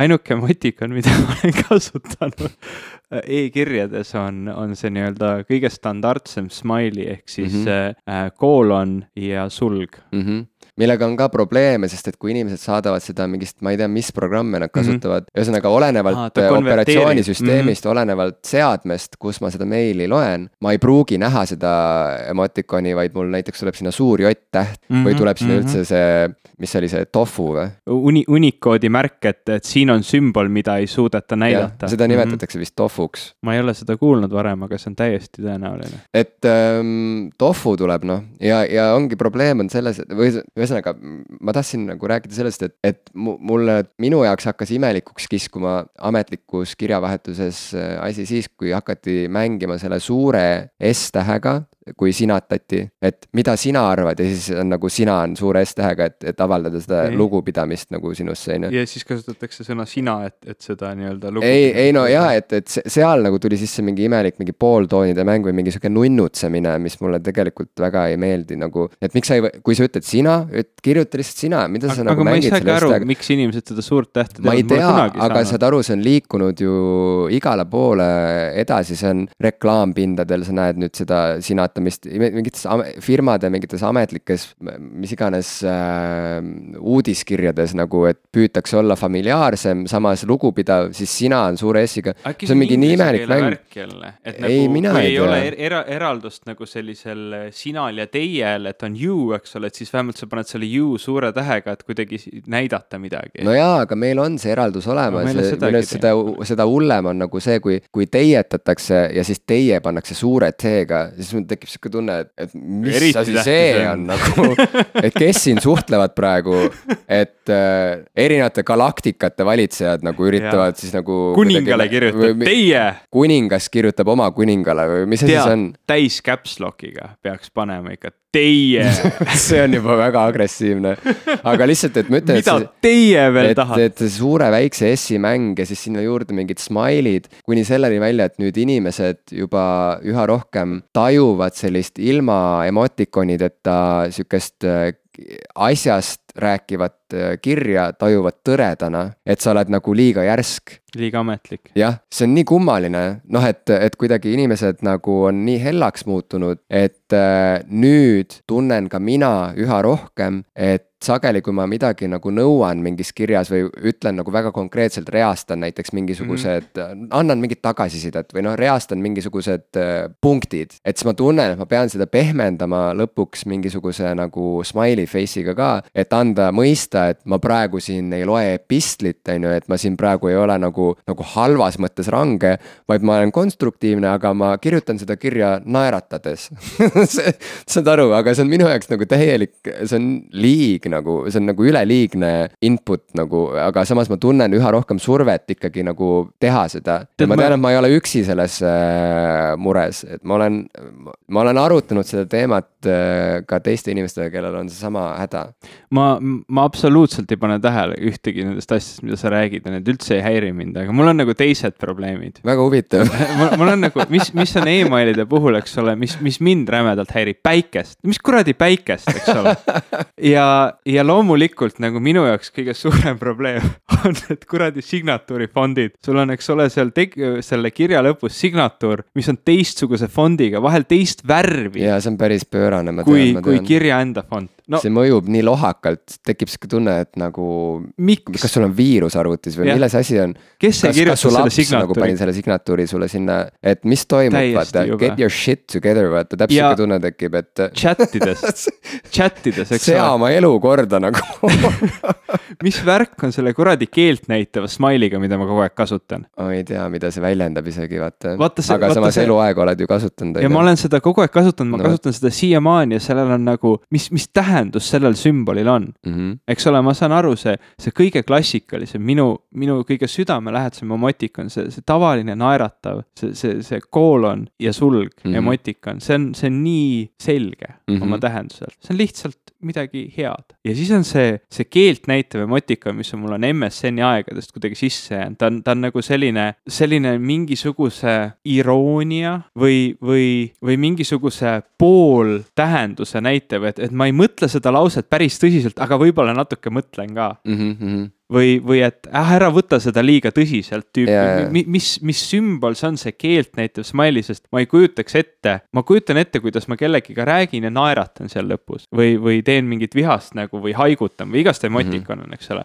aga ma ei kujuta ühtegi vestlust ette, kus ma poole ajast kogu aeg keelt näitan teisele inimesele mm. -hmm. aga samas see on nii prevaleeriv meie internetisuhtluses, see keelega smiley ja ma ei saa aru, kuidas ta on sinna tekkinud. ja ma olen näinud sellist fotorealistlikku, ma olen näinud sellist fotorealistlikku portreed näost, mis võiks olla, et et kui inimesel päriselt oleks sihuke näoilme ja kui tema näo proportsioonid ja kogu näo ülesehitus oleks täpselt selline, nagu on emotikonidel mm. -hmm. ehk siis, et su pea on pallikujuline, aga noh, mitte kollane, vaid noh, et sul on nagu ikkagi nahatooni. nahk, mhm. nahatooni ja su silmad on suured nagu tennisepallid, üks silm on suletud, teine on punnis lahti, nii nagu silm ei olekski silmakoopas, vaid mm -hmm. nagu hakkaksid välja veerema ja sul on keel suust väljas nagu suunurgast. see on väga ränk pilt, ma pean seda sulle mm -hmm. näitama. ma ei tea, kas ma tahan see on väga õõvastav.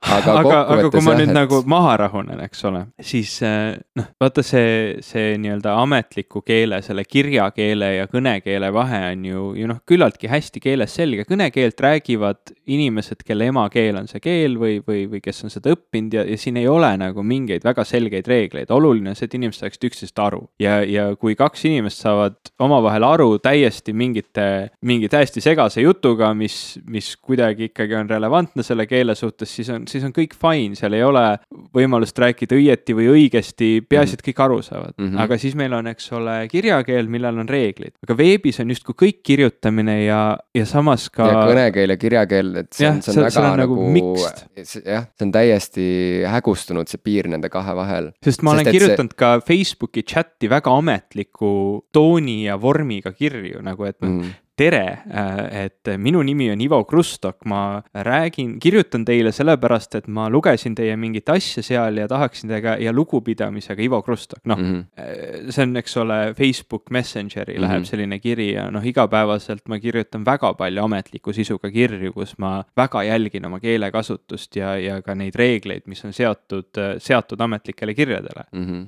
aga samas ma saadan ka email'e, mis on, on enamasti mingi kolm sõna, kas sobib nii mm, -hmm. küsimärk ja mm -hmm. siis on mhm. mingi signatuur sest ma ei viitsi seda ka ära koristada yeah., eks ole. et noh, see, see on nagu, see on nagu keeruline maailm, et noh, et, et kas me tegelikult noh, kas, kas on üldse mõistlik nõuda seda pingutust, kui kõik aru saavad või, või, või, või on see, või on see ikka mõistlik? ma ei tea, mingis, mingil kõik... määral sa oled nüüd alla andnud, ma saan aru. ma olen mingil määral lihtsalt jah, nagu äh, alla andnud et, äh, et see kuidagi, et see sihuke nagu lohakas ja suvaline keelekasutus äh, internetis, mul on tunne, et see on, see on tulnud, et jääda mm. -hmm. ja ma mõnes mõttes äh,, ma ei imestaks, kui emotikonide kasutamine varsti muutub aktsepteeritavaks ka igasuguses sihukeses nagu ametlikus kirjavahetuses. samamoodi nagu näiteks okei okay öelda mm -hmm. mingis ametlikumas kirjas on täitsa okei okay mm -hmm. ju mhm. nüüd juba. samas kui ta ju alguses oli noh, ikkagi sihuke släng, eks ole, et, et nagu või noh, ta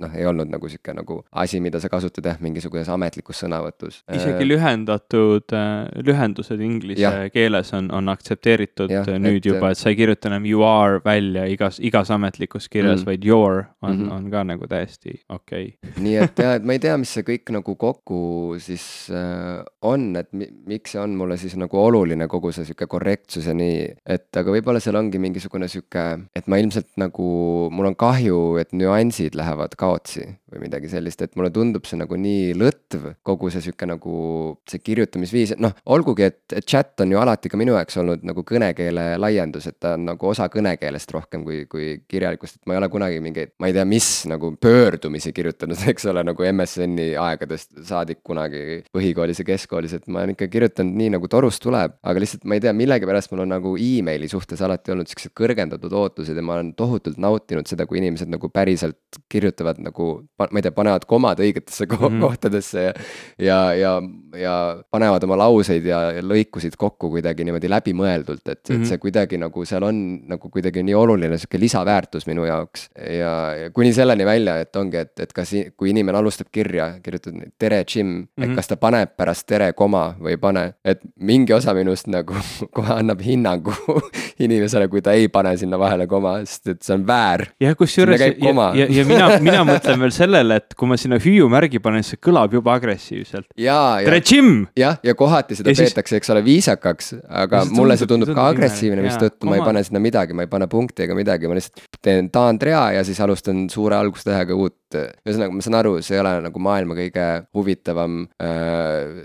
me ei pea nii detailidesse minema siin. aga kirja aga... lõpuga, et minul on nagu vahet, et kõike head, koma, ma panen Ivo Krustok mm, -hmm. aga lugupidamisega ma kuskilt nägin mingis, mingis, mingis juhendis veebis mm, -hmm. et ei, et ei tasuks sinna üldse koma panna ja nüüd ainult lugupidamise puhul ma ei pane koma ja kõikide teiste kirja lõppude puhul ma panen koma ja see on täielik nagu asi, mida ma teen teadlikult, aga ei paranda mm. -hmm. ma ei tea, miks ma nii teen. jah, nii et kokkuvõttes see on kõik üks suur nagu segapudru ja ma mäletan, kuidas me sinuga vaidlesime või mitte ei vaielnud, lihtsalt arutlesime, et, et kas me peaksime kirjutama oma popkulturistide mhm. kodukale mm, -hmm. et laadi alla MP3 mm -hmm. või lae nagu, alla. nagu on grammatiliselt korrektne. algusest peale me mm -hmm. kirjutasime lae alla, aga ühel hetkel ma uurisin välja, et korrektne on kirjutada ikkagi, et laadi mm -hmm. alla, sest et sa laed akut näiteks, aga sa laadid näiteks mingit kaupa autosse, mhm. on ju, samamoodi failid, et kui sa la, tahad saada mingit faili kätte internetist oma masinasse, sa pead selle alla laadima, et sa laadid selle alla, mitte ei lae. ja min-, me, see on siiamaani lae, sellepärast et minu jaoks see laadi kõlab nii rõvedalt. ja see kõlabki kohutavalt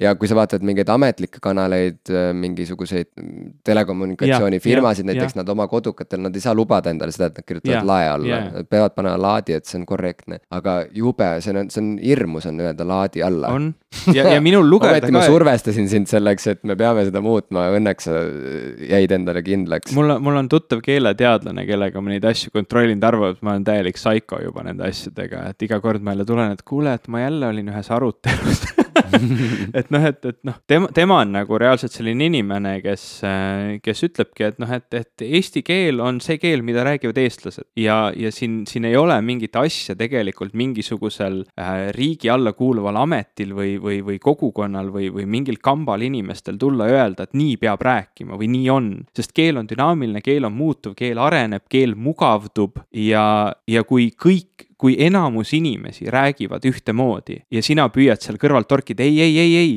kakskümmend aastat kogu aeg on juba olnud korrektsem nii, siis see, seal ei ole mitte mingit mõtet, sest keel muutubki, nüüd on lihtsalt teistmoodi. ja, ja sellest ei ole mitte midagi vale. Ja mulle nii meeldis, sa käisid äh, külas Digitunnis ühes saates, te rääkisite sellest, kuidas need ähm, küllaltki kohati isegi ääretult segased ja, ja, ja, ja rõvedalt kõlavad vei-, ütleme sellised interneti ja, ja arvutimaailma terminid on kuidagi eestindatud ja, ja noh, paremal või halvemal viisil tõlgitud et see, see järeldus, et, et tasuks nagu rääkida ja, ja kasutada sõnu, mis sulle endale kõlavad normaalselt, et mitte nagu sundida ennast kasutama sõnu, mis lihtsalt juba tunduvad valed. sest minul on taristu sihuke sõna, mida, mida ma nagu aktiivselt väldin sest minu meelest taristu ei ole hea kõlaga ja, ja selge sõna, eks ole, infrastruktuur ei pruugi olla väga ilus eestikeelne sõna või, või, või isegi nagu ütleme, kõige parem sõna, mida kasutada, aga taristu, ma ei tea. ja mis veel hullem, jätkusuutliku asemel kestlik, mulle ei meeldi sõna kestlik.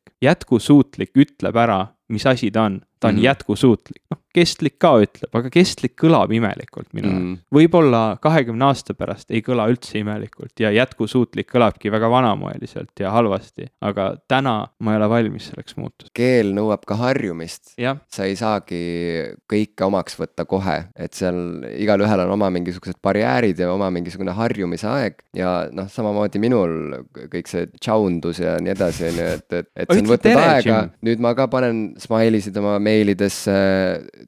tunnen ennast selle pärast kohe sõbralikuma inimesena. sina ma veel ei kirjuta S-iga, suure S-iga millega sa sina kirjutad? suure S, no ainult siis, kui ma tunnen ennast survestatuna selleks. kui ma tunnen, et keegi nagu ainult sinatab mind suure S-iga, siis ma tunnen ennast nagu vahel siukse mingi jõhkardina, nagu kui ma mm. lihtsalt panen väikse S-i vastu, siis tekib sihuke tunne, et kas ma sellega nagu. riivad. just, just mm -hmm. nagu kuidagi vihjaksin, et mina temast nii palju lugu ei pea, kui tema minust mm. -hmm. aga kokkuvõttes. kirjutasin nagu... kirjanik ju härrale Jim ja sain vastu siukse ebaviisaka kirja, nagu ta oleks mulle alla rääkinud, jah. et um.... kirjutas tšau ša tähega et jah, et, et kokkuvõttes see tšau ju samamoodi on väga värske sõna ikkagi ju meie keeles. nojah, kas ta üldse on sõna, ta on nagu olen... meie jaoks nagu isegi mingisugune sihuke hääli, hääldus või jah, mingi asi, no, mida kõik ütlevad välja, seda, minu arust oleks täiesti õige seda juba nüüd nagu aktsepteerida siukse nagu hariliku eestiliku tervitusena, et mis sest, et ta mm -hmm. on nagu kuskilt tulnud, no kõik tuleb kuskilt, selles mõttes, et ega meie keel ka ei ole vaakumis nagu mm -hmm. tekkinud, ta on äh, meie tõlgendus üldse nagu maailma keeltest, eks ole, et mm -hmm. me oleme võtnud siit, võtnud sealt ja nii see käib, eks ole, et mm, -hmm. et äh, meie keel on suguluses teiste keeltega ja kõik keeled on omavahel suguluses ja see tšau, mina olen vähemalt kuulnud teooriat, et äh, oli kunagi see poplaul Ciao Bambino või mis asi iganes see oli, mis äh, kas seitsmekümnendatel või millalgi, võin siin eksida päris rajult, aga igal juhul ühel hetkel see sai suureks hitiks ja see oli populariseerinud eesti keeles sõna tšau kasutuse. Hmm.. et see oligi mingi Itaalia sihuke nagu poplaul vist, parandage mind, kui ma eksin, väga huvitav oleks kuulda inimese käest, kes võib-olla nagu reaalselt mäletab seda, seda momenti, kus, kus see sõna tšau nagu hakkas penetreeruma mm meie keelekasutusse, aga. meie emakeelde. jah, see kõlas täpselt nii, nagu see kõlas, aga, aga kuskilt see tuli, ühesõnaga, et noh, viiekümnendatel inimesed ei tšautanud mm, -hmm. et selles mõttes see on nagu värske asi, aga ometi nagu noh, kõik inimesed igas mm -hmm. vanuses ütlevad nüüd tšau yeah.. et noh, nii see käib, et tuleb lihtsalt nagu harjuda ja kohaneda, aga samas on hea jääda ikkagi, hoida kinni ka mingitest põhimõtetest ja mõnes mõttes jah, ma olen allakäiguspiraalil, ma tunnistasin, ma enam ei otsi seda ša-tähte üles, ilmselt, aga ma endiselt mõistan sind hukka, kui sa ei pane pärast tere koma mm. -hmm kui sa kirjutad sinna otsa ka minu nime. ma mõistan su hukka ja sa ei ole minu jaoks täisväärtuslik inimene, kui sa mulle sellise kirja saadad. aga passiiv-agressiivselt ma seda sulle ei ütle, ma lihtsalt võib-olla saadan sulle vastu meili, kus ei ole ühtegi smailit. või sina on väikese tähega. jah, no ja, ja, ja, ja veel eriti väikese tähega nagu, et see S on Teises tavapärasest fontist. veel väiksem. teises fontis jah, mingi teise fontiga veidi väiksem, vaevumärgatavalt, aga nii, et sa nagu alateadlikult saad aru, et midagi nagu on valesti. ma ei tea, kas ma olen seda sulle rääkinud, et mul on nende katusega häälikutega mingi teema, mingi probleem, mingi kerge düsleksia, et ma ei suuda neid korralikult hääldada hä,, hä, korralikult hääldada. et noh, näiteks kui tuleb mingi sõna nagu retuužid, näed ühesõnaga, retuusid kirjutatakse tavalise S-iga, aga mm. millegipärast ma tahan sinna tekitada seda häälikut, retuužid mm ja, ja ma ei, mul ei tule hetkel neid sõnu meelde, aga ma vahel avastan kuidagi oma vestluses, kuidas ma ütlen midagi väga naljakalt, väga veidralt. kas sa limonaadi nime Duchesse suudad öelda? ära vaata mind nüüd siukse näoga, ma püüan ma ju vaatan mingi näoga. Düš- Düš-, Duchesse oli enam-vähem õige no?. mul on mingi kerge, kerge düsleksia nende asjadega, mul on sihuke tunne, et ma päris vist ei suuda. ma ei tea, kas düsleksia on õige sõna, mida siin kasutada. Düsleksia võib-olla. Düslek-, Duchesse, ei, mul ei tule enam välja, mul ei tule enam meeldegi, aga, aga jah, ütleme nii, et, et kuigi need tähed on kindlasti osa Eesti tähestikust, on neid võib-olla keeruline, keeruline vahel kasutada nii kõnes kui kirjas. mida sa arvad luuletajatest, kes kasutavad Ü-tähe asemel Y-it, KS-i asemel X-i ja, ja vahel ka katus, või ütleme nende, ma ei tea, kas see on õige sõna umlaut või kuidas neid erinevaid õ-katuseid ja ä-täppe ja neid nagu koondlikult nimetatakse, umlaut ei ole vist päris. ei, minu arust umlaut on ingliskeelne sõna Ü-tähele, kas ei mm. ole? aga võib-olla need on need täpid. Anyway, kuidas sa suhtud sellesse, sellesse nagu luules? ma tean. ei, luuletajad võivad teha mida iganes nad tahavad. mitmed luuletajad kasutavad selliseid. ja, ja, ja luuletajad võivad teha mis iganes nad tahavad, et kui see on nende. kui nad sulle ei kirjuta ei, ei, kui see on nende sihuke nagu, kui see on nende stiil ja see on nende valik olnud mm -hmm. sihuke kunstiline valik, et tekst peab välja nägema mingit moodi mm, -hmm. et siis palun väga. luules on ju kuidagi see teksti jaotus, küljendus, väljanägemine ülioluline komponent mm. -hmm. et, et see ei ole niisama ju, et, et luuleread vahel looklevad kuidagi kummaliselt äh, mööda lehekülge või et sõnad on kuidagi eriti harali ja nii, et, et see on kõik ju meelega nii sätitud, et anda mingisugust rütmi, mingit kuju nendele sõnadele ja see kõik äh, mängib kaasa, et ta on sihuke lisamengguvahend, et seal ei ole mingit probleemi. see on sihuke vaba maa mm.. mulle tuleb meelde üks laul, ma tean, et sa ei armasta väga huumorit muusikas, aga Weird Al Yankovicil on sihuke laul nagu Word Crimes, eh, mis mm. on tehtud järgi mingist poplaulust mõned aastad tagasi. see ei tule mulle millegipärast meelde, aga sellel oli mingi väga skandaalne video ja sellega oli kuidagi seotud Miley Cyrus mingil, mingil, mingil MTV värgil. ma popkulturistina tunnen ennast praegu väga halvasti. kas see oli see see kord, kui ta seal lihtsalt hõõritas ennast kuidagi ja. ja nagu alandas just nagu, et äh, nagu ta oleks olnud selle oma äh, partneri, kes seal oli seal lava peal, see mees, et ta nagu kuidagi äh, oli sihuke nagu seks kiisu ta jaoks ja kuidagi paljude silmis nagu alandas ennast või kuidagi oli sihuke, tegi midagi antifeministlikku, objektistas ennast, kas see oli see kord?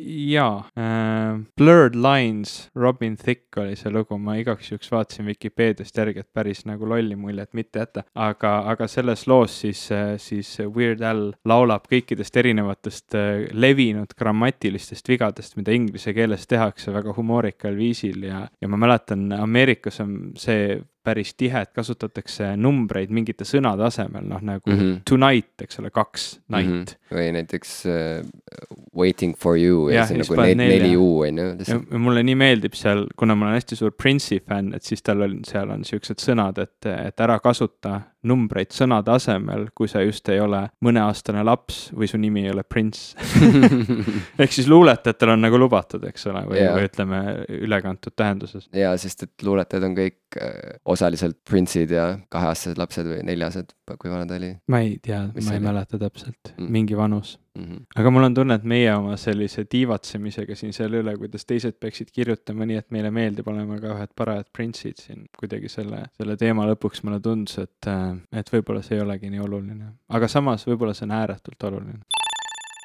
ma tahtsin seda ka veel öelda viimaseks, noh, tänase saate lõpetuseks. mulle väga meeldis, kuidas äh, Hendrik Roonemaa eelmises saates tutvustas Nintendo Switchi, tema siukseid puudusi ja plusse, enam ei olnud plusse, no ülihästi müüs maha selle konsooli. andsid tellimuse sisse? Äh, ma ei ole veel tellimust sisse andnud, ma ootan hetke, kus ma saan seda endale lubada päriselt mm. -hmm aga äh, meeletult ootan, et äh, saaks juba katsuda ühte Switchi ja, ja äh, mul, mul on lihtsalt nagu tore uudis, sest see on jällegi järjekordne sihuke ametlik teadaanne, mida ma tean, et, et, et mis puudutab väga lähedalt kogu ühiskonda, millest mm -hmm. kõik nagu võiksid teada. On see, et teatavasti vaata, ma ei, ma ei mängi mänge nagu väga kiirelt läbi mm. -hmm. ma olen seda mitu korda maininud, Final Fantasy kümmet ma mängisin vist kaheksa aastat või, või midagi mm -hmm. sellist, on ju.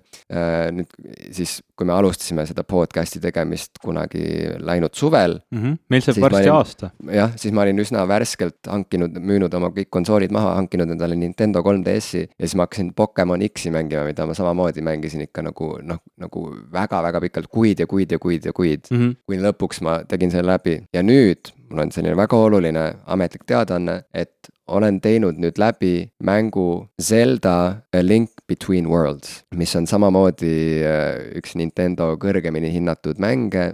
ja nüüd see uus Zelda, mis on Switch'i peal, eks ole, see on nüüd üleüldse vist nagu kõige kõrgemate hin-, hinnetega mäng läbi aegade üleüldse mm. mängude ajaloos on ju mingisugune sihuke tohutu femo-, fenomen. aga lihtsalt nagu tore on tõdeda, et Zelda mänge nii väga armastatakse mm -hmm. ja ma mhm. Ütleks, et see Link Between Worlds tõi mind ka lõpuks nagu päriselt Zelda juurde. et sa said siia... sellest aru, eks ole? ja ma sain nagu sellest mm -hmm. aru, ma sain nagu siukse nagu täisnaudingu sellest, ma sain nagu aru selle maailma nunnudest. okei okay,, ma parandan ennast, tegelikult kui mul oli veel Wii U mm, -hmm. ma mhm. mängisin selle peal ka Zelda Wind Waker HD-d, mis oli lihtsalt nii meeletult armas mäng, aga mul kuidagi nagu läks see kogu aeg meelest, et kui ma tükk aega ei mänginud, mulle nagu ei meenunud, et kui hea tunde kogu see graafika ja koloriit ja see maailm nagu see, lihtsalt lähed purjekaga sinna merele ja kõik on nii armas ja seal on mingid kollid, aga ja see on natuke hirmus, aga see on ikkagi kokkuvõttes sihuke nagu meeletu nagu D-vitamiini pomm mm -hmm. põhimõtteliselt, et, et, et kui päikest väljas ei paista, siis lihtsalt nagu paned Wind Waker HD peale, see on lihtsalt nii fucking nagu armas ja kuidagi toitav. et siis nagu see Link Between Worlds äh, kuidagi nagu võitis mu südame lõpuks ja tegi mulle selgeks, et see Zelda, et see on üks hea asi, tead nii et nüüd nagu ma olen nii valmis valmis, kui üldse valmis olla saab, selleks kõige uuemaks Zelda mänguks, mida kogu ülejäänud maailm praegu mängib peale minu ähm,. pakun, et jõulude aegu võib-olla mm. jõuan oma elus sinna punkti, kus, kus ka minu majapidamisse saabub Switch, saabub Zelda ja ma lihtsalt tahtsin jah, teha veel ühe ametliku teadaande et sa ootad, sa oled valmis? ma olen teinud nüüd läbi ametlikult ühe Zelda mängu täitsa ausalt otsast mm -hmm. lõpuni, kõik kaardid, kõik leidsin üles ja ma olen valmis minema sinna, kus kogu ülejäänud maailm praegu juba mõnda aega on. jah, ma ka ikka vaatan neid videosid ja, ja kuulan neid diskussioone, sest neid on nii palju see Zelda on tõesti olnud tõsine fenomen, noh, no ikka, no okei okay,, mitte nii suur fenomen, kui see Pokemon suvel oli, aga, aga no, siiski, ütleme päris mängumaailmas. oleneb, mis kanaleid ütleme... sa jälgid jah, või aga et ikkagi jah, ta on, noh, ta on nagu mingisuguse nagu, ta on, ta on tõstnud latti yeah. ühesõnaga, ta on tõstnud yeah. nagu kogu mängumaailma latti. sa vaatad seda mängu ja tõesti on sihuke tunne, et, et see on midagi, mida, mida võiks nüüd ikka kohe tõesti mängida ja mul on väga väheste mängudega tekib see tunne, et ma vaatan seda seda ja mõtlen, et jah, et, et see oleks nagu väärt konsooli ostmist mm. -hmm. et äh, tõesti, see jõulude mõte ei ole paha, peaks äh, võib-olla sinnasamma kanti sihtima, ma ei, ma ei kujuta ette ka, et mul varem selleks võimalus on, aga tõesti, aasta lõpp tuleb. Võib-olla siis läheb aeg natukene jälle, omandab uue mõtte, läheb natuke kergemaks jälle plaanide ja kõige muuga ja oleks tõesti õige aeg ühte meeletult suurt ja mahukat mängu mängida, mis ilmselt võtab kümneid ja kümneid, kui mitte rohkem kui sada tundi mina muidugi millegipärast praegu fantaseerin kuidagi nii, et, et ma suudan raha kõrvale panna vaikselt nii et jõulude ajaks mul on nagu võimalik see välja osta, aga samas ma ei tea, kust see fantaasia tuleb, sest et äh, ma ei ole ju mingi erand, ma teen, kõik inimesed vaesuvad jõulude aeg, see on kõige õudsem kinkide ostmise ja külla sõitmiste nagu aeg, et, et siis just on inimestel näpud tuleb osta enne detsembrit, vaata mm.. et, et siis sul nagu pole enam kinkideks raha, sa oled omale selle kingituse ära teinud ja teistele mm -hmm. siis noh, jah, mäng, lubad neile oma konsooliga mängida. näiteks lapsele kingid pool tundi. ma geniaalne, Ivo, aitäh sulle. ma kingin oma tütrele jõuludeks Switchi, see on no. tema elu esimene konsool. ja, ja kas saaks olla paremat konsooli lapsele kui mitte Nintendo? Muidugi, ta on siis kolmeaastane, on ju, see on täpselt see hetk, kus on aeg hakata nagu tõsisemalt mängima, ta on aidanud mul mängida Pokemoni vahepeal ja mm, -hmm. ja midagi seal veel, et, et ta nagu, ta, ta teab, et värk käib ja ma arvan, et ta juba ootab, et ta saaks nagu kuidagi noh, nagu käed külge panna päriselt mm, -hmm. vaata. ma ei tunneks üldse ennast pahasti, kui ma kingiksin oma tütrele jõuludeks Nintendo Switchi. aga kui sa enamus ajast ise sellega mängid? no aga ta on nii väike, ta ei jaksa mängida nii palju kui mina yeah see on okei okay,, ta kasvab ja, ja muidugi ei ole ka võib-olla eetiline lubada oma lapsel kogu aeg mängida. ta väsib ära, vaata, ta väsib ära, see kurnab teda. pigem on hea, kui ta käib õues ja mängib mm., saab värsket õhku ja nii. ja sel hetkel, kui tema mängib mänguväljakul, on Switch'il ju hea võimalus see kaasa võtta ja sina saad mänguväljaku kõrval mängida.